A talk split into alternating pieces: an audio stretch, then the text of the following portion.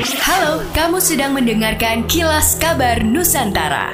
Podcast persembahan KG Radio Network menyajikan berita harian yang mengangkat keunikan dari berbagai wilayah Indonesia. Kilas Kabar Nusantara dapat juga didukung oleh pengiklan loh.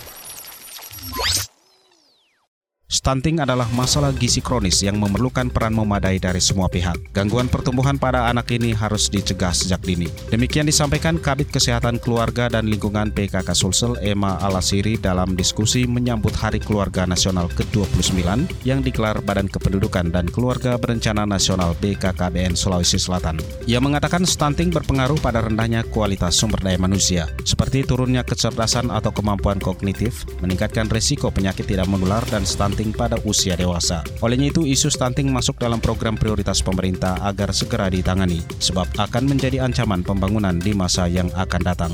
Sementara mantan Karo Hukum Organisasi dan Humas BKKBN Kresa Putra menuturkan pencegahan stunting dimulai saat sebelum berkeluarga. Karena itu BKKBN hadir untuk melakukan pendampingan berupa edukasi dan sosialisasi sejak prakonsepsi sebelum pernikahan.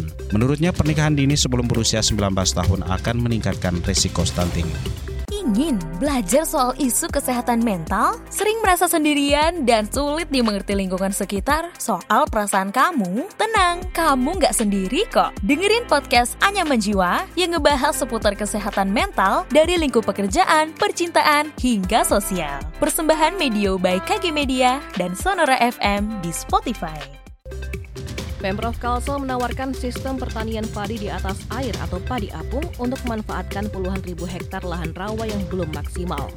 Menurut Kepala Dinas Tanaman Pangan dan Hortikultura Kalsel Syamsur Rahman, selama ini petani di Kabupaten Hulu Sungai Selatan atau HSS serta di daerah lainnya yang memiliki lahan rawa hanya bisa bercocok tanam sekali sepanjang tahun karena lahannya terendam air. Itu pun sering kali gagal panen karena tanamannya rusak akibat banjir. Sistem pertanian padi apung saat ini mulai dikembangkan di sejumlah daerah pertanian lahan rawa seperti Kabupaten Barito Kuala, HSS, dan HSU dengan luas total 50 hektar.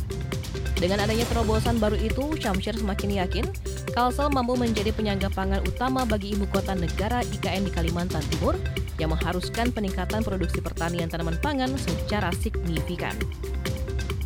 Wakil Gubernur Sumatera Selatan Mawardi Yahya meminta seluruh OPD di Sumatera Selatan memaksimalkan anggaran belanja daerah dengan membeli produk dalam negeri. Upaya tersebut menyusul adanya instruksi dari Presiden Joko Widodo agar pemerintah daerah dan pimpinan kementerian atau lembaga dapat menyerap penggunaan produk dalam negeri. Hingga kini realisasi serapan penggunaan produk dalam negeri baru mencapai 40 persen. Ke depan pihaknya bakal mendata berapa banyak kebutuhan anggaran belanja yang digunakan oleh seluruh OPD.